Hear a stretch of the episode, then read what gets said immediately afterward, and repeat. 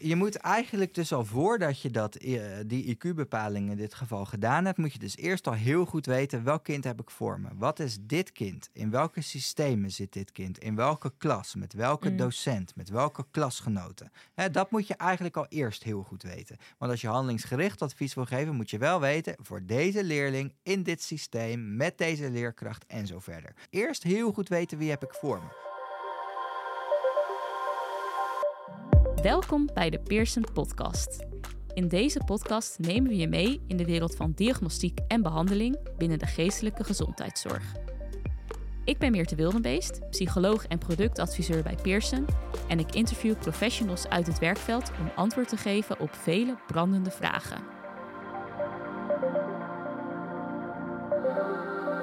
Voordat we verder gaan, nog even dit.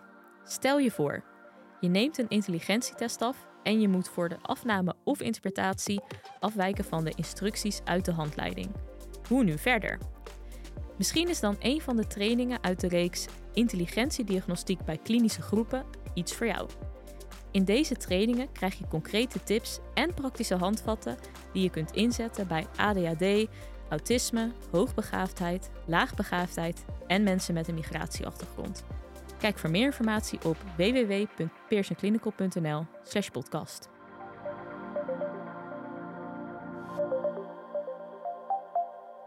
Welkom bij deze aflevering van de Pearson podcast. Uh, we hebben vandaag weer een vraag die we gaan beantwoorden. Dat is namelijk hoe kun je de resultaten van een IQ-test vertalen naar de praktijk? Ik denk dat dat een uh, hele belangrijke vraag is. En we hebben ook iemand die die vraag kan uh, beantwoorden in de studio. Dat is Bart Vogelaar. Dus welkom Bart, fijn dat Dankjewel. je er bent. en voor degenen die jij nog niet kennen, stel jezelf vooral eventjes voor. Ja, nou, mijn naam is dus Bart Vogelaar. Ik werk als universitair docent bij de Universiteit Leiden, afdeling ontwikkelings- en onderwijspsychologie. Daar doe ik onderzoek naar uh, onder andere hoogbegaafde kinderen, hoe zij zich ontwikkelen, uh, hun potentieel en uh, wat het ontwikkelen van het potentieel makkelijker of moeilijker maakt. En ik geef onderwijs aan masterstudenten schoolpsychologie en kind- en jeugdpsychologie.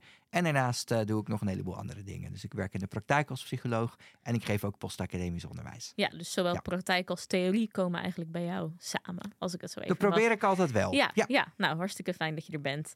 Um, nou, je werkt ook in de praktijk mm -hmm. en ik had eigenlijk een vraag van jou, want welke IQ-tests neem jij nou vaak af? Wat zijn jouw uh, go-to tests? Nou, ik heb geen go-to-test eigenlijk okay. uh, wat dat betreft. Um, ik denk over het algemeen gesproken dat het meest voor kinderen in ieder geval de WISC gebruikt wordt en volwassenen de wijs. En mm -hmm. um, nou, dat begrijp ik ook wel, want het zijn op zich goed afneembare tests. Hè? Ze uh, komen ook goed uit alle onderzoeken. Um, het zijn robuuste maten. Um, ze um, voorspellen ook toekomstige prestaties tot op bepaalde hoogte. Hè? Dus dat zijn best wel, denk ik, goede testbatterijen. Maar ik moet zeggen, ik ben ook wel heel erg fan van uh, bijvoorbeeld de IDS-2. Mm -hmm. En waarom ben ik nou ook fan van de IDS-2? Omdat dat naast puur zeg maar wat we voorheen zagen, die cognitieve intellectuele vaardigheden, natuurlijk ook een beeld geeft van de executieve functies en van uh, de schoolvaardigheden, sociaal-emotionele vaardigheden. Dus dat geeft een heel breed beeld.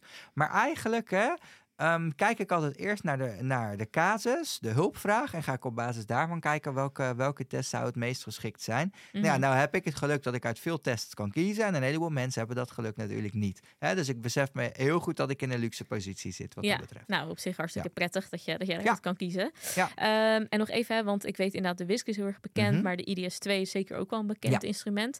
Eh, is nou echt het onderscheid ertussen dat die IDS dus die sociaal-emotionele zaken ook nog meeneemt? Of wat, wanneer kies je voor de een, wanneer kies je voor de ander?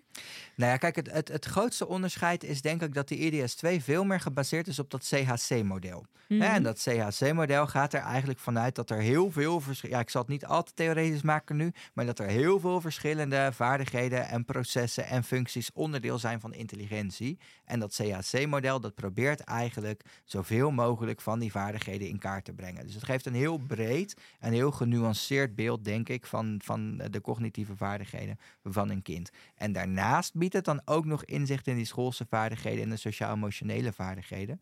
Neem je de hele testbatterij af, duurt dat wel heel lang. Ja, hoe lang ben je dan bezig? Nou, wel een paar uur. Een paar uur, oh, ja, ja. dus dat is best wel pittig. Maar je hoeft dat natuurlijk niet allemaal in één keer te doen. Je kan er ook keuzes in maken. Hè? Dus je, je hoeft echt niet bij ieder kind alles te doen. Maar heb je een vraagstelling waarin je ook eh, geïnteresseerd bent in bijvoorbeeld die executieve functies, dan vind ik het wel een groot voordeel dat je dat met één test zou kunnen doen. Ja, en, en wanneer kies je dan bijvoorbeeld juist weer voor de WISC? Ja, ook dat is een beetje afhankelijk van de hulpvraag en afhankelijk van de leeftijd van het kind, et cetera. Nou, de WISC heeft natuurlijk een hele brede leeftijdsrange. Dat vind ik heel prettig. Mm dus ja, dat, dat kan ik niet zo 1, 2, 3 zeggen. Het is echt afhankelijk van wie heb ik voor me en wat, wat wil ik weten. Ja, precies. Oké, nou hartstikke helder. Hey, en uh, als we het hebben over een IQ-test, ja, wat kan je er mhm. nou juist wel uithalen en wat kan je er nou absoluut niet uithalen? Ja, dat is een hele belangrijke. Het eerste wat ik altijd zeg is dat we ons allemaal heel goed in de oren moeten knopen dat een IQ-test een momentopname is. Mhm. Dat is heel belangrijk. En zeker bij jonge, bij jonge kinderen, maar ook zeker bij volwassenen. Het is een momentopname, dus er zijn altijd omstandigheden die, die, die de uitkomst van een test beïnvloeden. Nou, we weten dat er groepen uh, individuen zijn die uh, systematisch een grotere kans hebben om het minder goed te doen op zo'n test. Dat zijn bijvoorbeeld kinderen en volwassenen uit een andere cultuur, met leerproblematiek, met heel veel angst, hè, met uh, weinig testvaardigheden. Nou, zo noem ik er gewoon een aantal op. Mhm. Hè? Um, dus we weten dat speelt al een rol. Nou, dat is, en dan hebben we daarnaast ook nog die, die tijdelijke omstandigheden die een rol spelen. Dus dat is sowieso al heel belangrijk. Daarnaast, wat ik heel belangrijk vind om te zeggen, is dat een IQ-test een indicatie is van intelligentie. We proberen intelligentie te benaderen en afhankelijk van het theoretische model achter de IQ-test meet je dus kan je dus uh, verschillende vaardigheden in kaart brengen. Dus dat is ook wel belangrijk om dat, uh, dat mee te nemen. Mm -hmm. En wat ik een heel belangrijk onderscheid vind, is een IQ is niet hetzelfde als potentieel. En dat vind ik ook altijd heel belangrijk. En wat bedoel je daarmee met potentieel? Potentieel om te leren bijvoorbeeld. Mm. Hè? Dus een IQ Um, kan ook zeker wel, hè, dat blijkt ook uit onderzoek, dat het zeker samenhangt met schoolprestaties. Maar het, er is meer dan dat. Hè. Het is geen één op één relatie. Want een IQ uh, eh, baseert zich bijvoorbeeld ook op gekristalliseerde intelligentie. En gekristalliseerde intelligentie wil zeggen hè, feitenkennis. Dus dat baseert zich, dat stuk van een IQ-test in ieder geval, baseert zich op dat wat kinderen al hebben geleerd. En dat wat jij hebt geleerd is niet noodzakelijkerwijs hetzelfde als wat ik heb geleerd. Nee. Plus, wat jij hebt geleerd en hoe goed je daarin geweest bent, is ook niet noodzakelijkerwijze voorspellend voor wat je kan leren. Mhm. Dus, dat, dus daar zit wel een heel duidelijk verschil in. En bij sommige tests ehm, worden die termen een beetje door elkaar heen gebruikt. En ik, en ik pleit er altijd heel erg voor om dat wel in ieder geval helder te hebben. Wat is nou wat? Ja, dus jij zegt potentieel. Dat is weer echt iets heel of tenminste, dat staat eigenlijk los van wat je uit een IQ-test eh, krijgt. En nou even een zijsportje, omdat ik toevallig weet dat je daar ook wel wat van weet. Maar hoe meet je dat potentieel uh, dan? Nou, dat potentieel, dat zou je het liefste meten in een test waarin je niet alleen meet wat een kind ook kan, maar ook een leersituatie creëert. Hè? Dus testen en leren tegelijkertijd. En dat betekent dus dat je een test aanbiedt waarin je ook een training of een instructiefase uh, integreert. Mhm. Zodat je goed kan kijken hoe um, veel profijt heeft het kind van instructie, van hulp, van training. Hè, en hoe leerbaar is dat kind dan? Want wat je eigenlijk zou willen doen, is dat je in kaart brengt datgene wat ook wel bekend is als de zone van naaste ontwikkeling. Ken je mhm. dat? Ja, zo'n bekend begrip, maar mm leg het nog maar even uit hoor. Voor, uh, ja. Nou, dat komt eigenlijk, uh, dat is ontwikkeld door uh, de Russische ontwikkelingspsycholoog Vygotsky. En Vygotsky was een sociaal constructivist, zoals we dat noemen. En dat betekent even heel kort door de bocht. Um, kinderen leren van en met anderen. Hè? Dus leren is een sociaal gebeuren, zo zou je het kunnen zeggen. En die zone van naaste ontwikkeling wil eigenlijk zeggen, er is een verschil tussen datgene wat kinderen op dit moment al zelfstandig kunnen, het actuele niveau van ontwikkeling, en datgene waar kinderen in potentie toe in staat zijn, maar nu nog net niet kunnen. Het mhm. potentiële niveau van ontwikkeling. En leren vindt plaats tussen die of binnen die zone, dus van de actuele naar het potentiële niveau van ontwikkeling. Hoe kom je daar nou? Door scaffolds, door hulp te bieden. En daar heb je iemand voor nodig die meer weet van het onderwerp dan het kind zelf. Dus dat Ah. kan jij zijn als psycholoog, hè? of dat kan een docent zijn, of een IB'er, of een remedial teacher en zo verder. Dus je wil eigenlijk, als je dus het potentieel in kaart wil brengen, denk ik, hè, wil je weten wat is het actuele niveau van ontwikkeling, wat is het potentiële niveau van ontwikkeling en hoe komt het kind daar dan? Dus wat is de behoefte aan hulp en wat voor soort hulp heeft dat kind nodig? Dat Mm. is wat je wil weten. En dan denk ik dat het de kers op de taart is. Hè? Dat is namelijk de ultieme vorm van, van potentieel. Kun je ook toepassen wat je hebt geleerd. Hè? Dat is natuurlijk waarom we onderwijs hebben. We vinden het heel leuk dat we kinderen uit hun hoofd de tafels kunnen opdreunen. Maar dat doen we niet daarom. Dat doen we zodat kinderen heel snel berekeningen kunnen maken in de supermarkt bijvoorbeeld. hè? Ja, precies. Dus dat ja. is eigenlijk het, het, het ultieme doel van onderwijs, vind ik. En het ultieme, de ultieme vorm van potentieel. Kunnen toepassen, kunnen Mhm. generaliseren. En kan je nou het potentieel ook onderzoeken met eh, ehm, een test die eh, psychologen vooral in de kast al hebben staan? Dus kan je bijvoorbeeld met een WISC ook het potentieel testen? Als je zegt van, want ik weet dat er een optie is dat je eh, na het afbreekpunt bijvoorbeeld nog even Ja. doorgaat. Zou je dat, Dat op kan. die manier kunnen ja doen? hoor, de- eh, ik, ik zou niet zo heel, heel ehm, expliciet willen zeggen... nou, dan, dat kan absoluut, dan meet je Nee, echt tuurlijk. het potentieel. Maar Ja. dan kan je wel dichterbij komen, zeker. Hè? Ja. En dan wat jij zegt is bijvoorbeeld een vorm van testing the limits. Hè, Mhm. dus er is een afbreekregel, daar zou ik moeten stoppen. Maar ik ga wel nog even door om te kunnen kijken, wat kan het kind nou wel? Dan ben je eigenlijk de limits aan het testen. Hè? Dus, dus de grenzen, de, de, de uiterste, zeg maar. Ja. Dat kan, ja. En ik zeg ook wel eens tegen mensen, het ga, kijk... Ik denk dat het al heel erg zou helpen, hè, want dat, dat, dat doet een IQ-test niet noodzakelijkerwijze, dat je ook heel erg naar het proces gaat kijken tijdens het oplossen van de test. Want dat is namelijk, eh, als je op het proces gaat kijken, dat is ook waar je op gaat interveneren in het onderwijs zelf. Mhm. Hè? Dat is waarom de wiskundedocent altijd tegen mij vroeger in ieder geval zei, ik weet niet of jouw docent dat ook zei, Meerte, maar tegen Mm. mij zei ze altijd, schrijf niet alleen het eindantwoord op, schrijf ook je ja, tussenstappen ja, want op. daar kreeg je ook punten voor. Precies. Ja, precies. ja. Omdat ze ook wilden checken, kan jij al die verschillende stappen? Want dat is het proces. En Ja. eigenlijk zou je dat met een, als je eh cognitieve vaardigheden in, beeld, in kaart brengt, ook willen weten. Want dat proces is namelijk voorspellend voor hoe kinderen het doen en hoe kinderen het in de toekomst doen.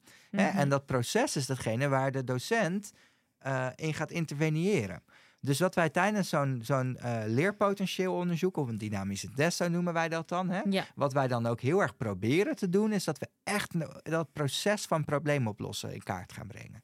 En het kan al heel verrijkend zijn voor als je een IQ-onderzoek doet, dat je ook dat doet. Dat je dus procesinformatie meegeeft. Want dat is namelijk hetgeen wat, wat zegt hoe het kind tot het product, de score, gekomen is. ja precies, precies. Ja. Oké, nou heel interessant. Eh, ik, ik denk een heel nuttig zijspoortje. Maar als we nu weer even Ja. terugpakken. we, Helemaal hebben, goed. we hebben helaas niet, eh, niet heel veel eh, tijd meer, ben ik bang.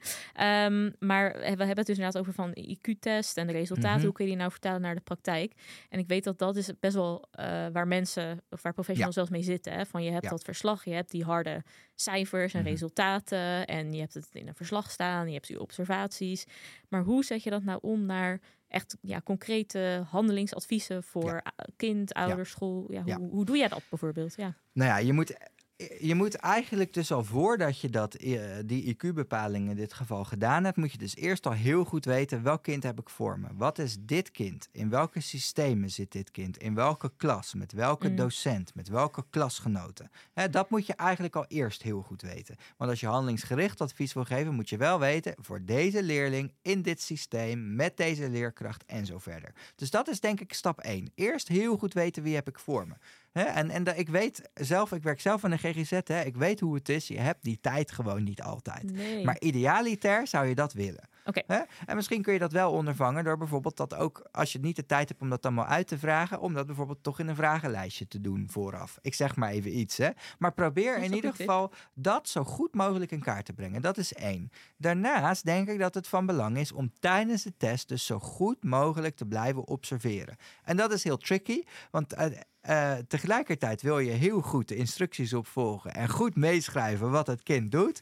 Hè? En dat kost al heel veel van je eigen werkgeheugen. En dan moet je daarnaast ook nog gaan observeren. Maar juist die observaties, hè, zeker als je dat goed systematisch doet, dat helpt je ook echt, dat helpt ook echt verder, denk ik, in het echte leven.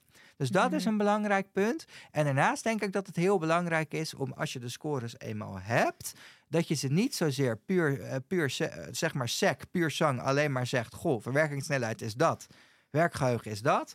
Maar ik vind het altijd heel helpend om er ook een voorbeeld bij te geven. Hè, nou, de verwerkingssnelheid is op gemiddeld niveau.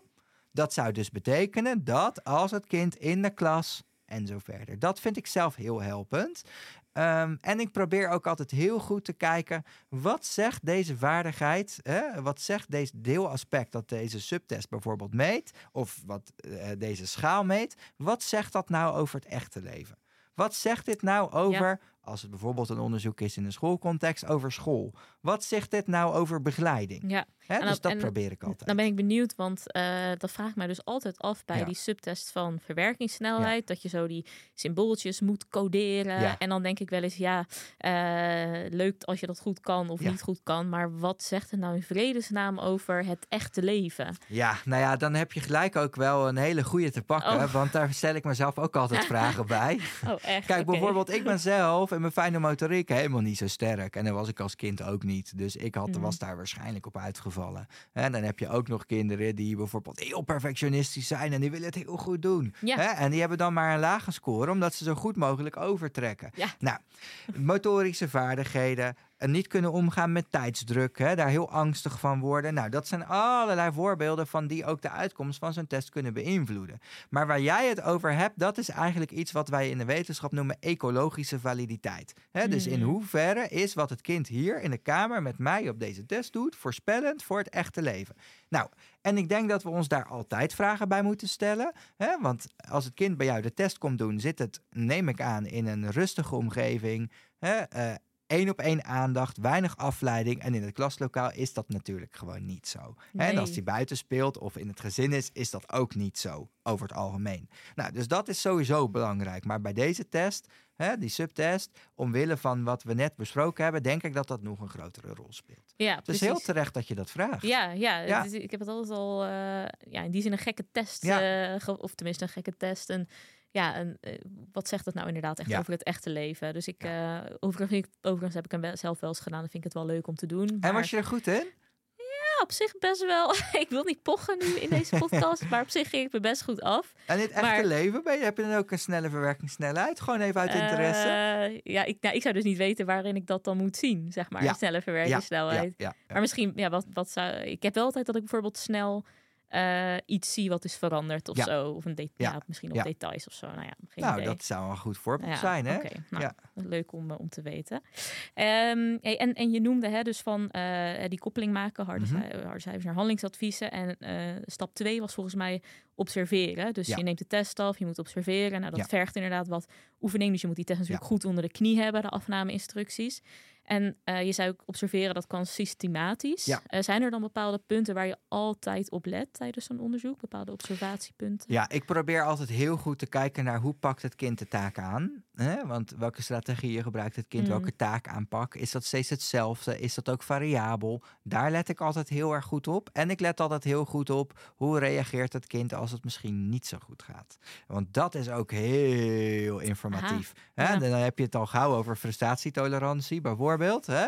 Mm. Eh, maar dat zegt ook heel veel. Want als het kind in moeilijkheden komt tijdens de test en daar heel gefrustreerd van raakt, is de kans heel groot dat dat in het echte leven ook gebeurt. Hè? Dus, dus dat zijn dingen waar ik op, op let. En dan wat ik zei, met name die variabiliteit vind ik heel interessant. Uh, want we weten uit onderzoek dat de mate waarin kinderen variabel zijn, hè, um, um, variabiliteit laten zien in hun, hun strategiegebruik, ook weer voorspellend is voor prestaties later. hè? Mhm. Dus dat vind ik heel belangrijk. Um, en ik let ook altijd gewoon heel goed op wat vindt het kind er zelf nou van. En is het er nog bij? Is het niet afgeleid? Uh, doet het ook niet liever andere dingen? Vraagt het vaak om bevestiging of niet? Hoe gaat het om met tijdsdruk? Nou, en dat zijn dingen die ik ook wel teruggeef in het verslag. Hè? Want bijvoorbeeld als je een kind hebt dat heel ongemakkelijk wordt van tijdsdruk, kan dat best wel de, de scores flink drukken. Dus dan vind ik dat wel belangrijk dat ik dat wel vermeld. Ja, En kan, kan je dat dan ook gelijk over, of tenminste koppelen aan hoe een kind op school op met tijdsdruk omgaat? Zie je daar vaak een relatie tussen of soms ook juist weer helemaal niet? Nou, ik denk, over het, uh, ik denk in algemene zin dat je dat wel veel ziet. Ja. Uh, maar ik denk dat het ook heel erg afhankelijk is van hoeveel waarde en hoeveel belang, nou belang is niet het goede woord, hoe belangrijk is dit voor het kind? Hoe ziet het kind zelf die afname? Hè? Is het, uh, vindt het een heel groot ding of niet? En dan heb je het over high-stake testing eigenlijk, hè? zo heet dat dan. Hm. En hoe belangrijker dat voor een kind is, hoe meer druk er natuurlijk ook op het kind zelf ligt. Dus, dus daar heeft het ook wel heel erg mee te maken. Maar je ziet wel vaak dat kinderen die heel graag goed willen presteren, dat op zo'n intelligentietest ook willen doen. Ja, ja, precies. Oké, nou, dat is mooi om, om te weten. Hey, en um, ja, wat is er nou, als uh, weer, we moeten weer een beetje gaan afronden helaas. Maar wat is nou echt noodzakelijk om uh, zo'n handelingsadvies te kunnen geven met betrekking tot die ja, cognitieve of intellectuele vaardigheden?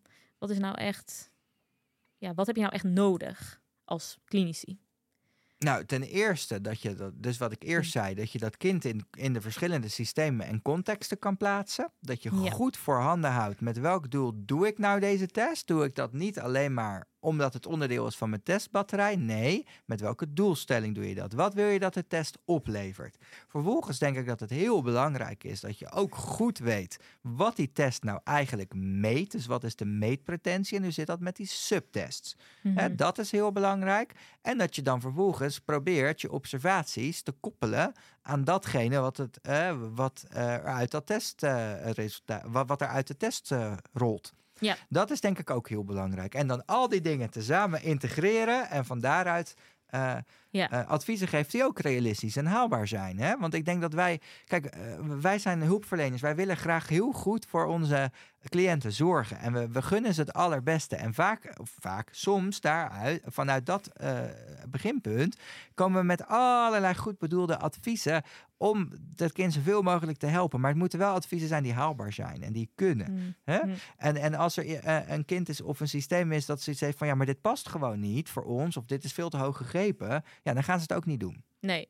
En dat bespreek je dan, neem ik aan, in een adviesgesprek. En dan geven ze dat aan van ja, leuk en aardig, maar uh, hebben geen tijd voor of lukt niet. Of, nou, en eigenlijk doe ik dat van tevoren al. Dus ze vragen van tevoren al wat hun verwachtingen zijn. Wat ze nou hopen dat er uitkomt. En wat, moeten, hè, wat is het nou Stel nou dat er niet uitkomt wat je wil. Hoe is dat dan? Of wat het moet nou het minimum noodzakelijke zijn voor jou om een stapje verder te kunnen? Ah, en wat zijn dingen die voor jou nou absoluut niet zouden kunnen of niet helpend zouden zijn? Dus ik mm. probeer dat al te ondervangen door dat uh, zeg maar aan het begin eigenlijk al goed uit te vragen. Ja, en is er nou, uh, ja, ik, ik hoor wel eens van uh, uh, kijk, nou, ik doe zelf aan uh, badminton, even iets heel mhm. anders hoor. Maar uh, dan is het wel eens tussen de sets door. Dan geven mensen wel eens tips van, je, meert, je moet meer, weet ik veel, smashen of zo. Ja.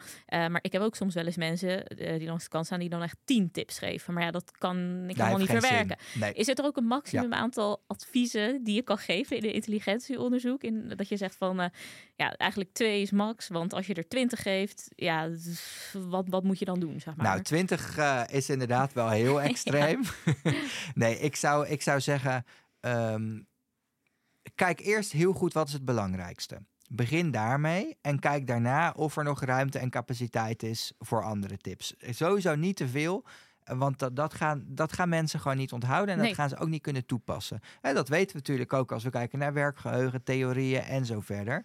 Dus ik zou zeggen, vaak is het ook wel less is more eigenlijk. Het is een open deur, maar zo is het wel. Want mhm. als je iemand doodgooit, zeg maar, hè, met, met goed bedoelde eh, informatie, is iemand het overzicht kwijt. Ja, dan weet je het ook niet meer. En kijk vooral wie je voor je hebt en blijf checken, komt het aan? Is dit realistisch? Is dit iets wat aansluit bij de verwachtingen en, en uh, de, de interpretaties en, en, en de gedachten van deze persoon, ja of nee? En als het vol is, is het vol. Ja, en ik neem ook aan, stel je hebt uh, één of twee handelingsadviezen gegeven. Blijkt nou dat er één van de twee niet werkt of allebei niet. Kom je misschien weer bij elkaar terug en dan ga je weer verder kijken. Ja, dat zou heel goed kunnen. Ja. ja. Oké, nou Bart, dankjewel weer. De tijd uh, zit er weer op. En, Jammer. Uh, ja, het gaat al heel snel inderdaad. Maar hartstikke bedankt voor al je informatie. Graag gedaan. Vond je dit een interessante podcast? Volg dan ons kanaal zodat je op de hoogte blijft van nieuwe afleveringen. En deel de podcast gerust met je collega's als je hem interessant vond. Wil je een vraag insturen of jouw feedback met ons delen? Dan kan dat via pearsonclinical.nl/podcast.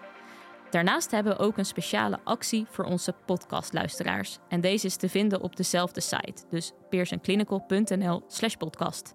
Tot de volgende keer.